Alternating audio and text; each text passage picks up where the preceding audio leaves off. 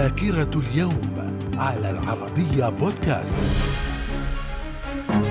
أهلا بكم إلى ذاكرة اليوم الثامن عشر من نوفمبر ففي العام 1935 عصبة الأمم تفرض عقوبات على إيطاليا لغزوها إثيوبيا. في العام 1963 عبد السلام عارف يقوم بانقلاب على حزب البعث شريكه في حكم العراق حيث قضى على الحرس القومي وطرد البعثيين من الحكومة.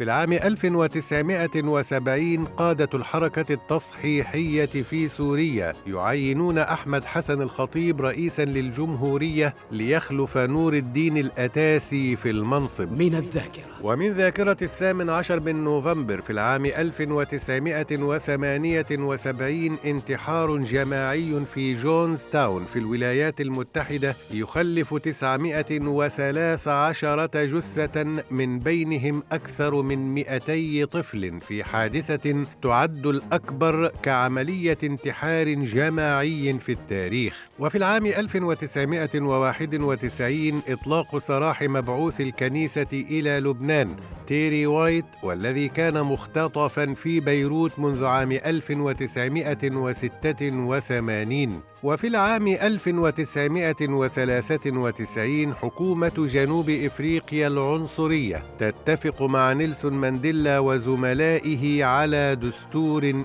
انتقالي. من الذاكرة. ومن ذاكرة الثامن عشر من نوفمبر في العام 2004 القوات الإسرائيلية تقتل ثلاثة جنود مصريين على الحدود بين مصر وقطاع غزة. في العام 2009 فوز المنتخب الجزائري على المنتخب المصري في مباراة فاصلة أجريت بالسودان لتحديد المتأهل لكأس العالم. وفي العام 2012 تنصيب البابا توادرس الثاني بابا على الإسكندرية وبطريركا على الكرازة المرقسية وبطريركا للكنيسة القبطية الأرثوذكسية. وفي العام 2013 ناسا تطلق مسبار مافن إلى المريخ. من الذاكرة. ومن مواليد الثامن عشر من نوفمبر في العام 1940 قابوس بن سعيد سلطان سلطنة عمان الثامن. وفي العام 1949 ولد الممثل المصري أحمد زكي. من الذاكرة. ومن وفيات الثامن عشر من نوفمبر في العام 1886 تشستر آرثر رئيس الولايات المتحدة الحادي والعشرون. من الذاكرة.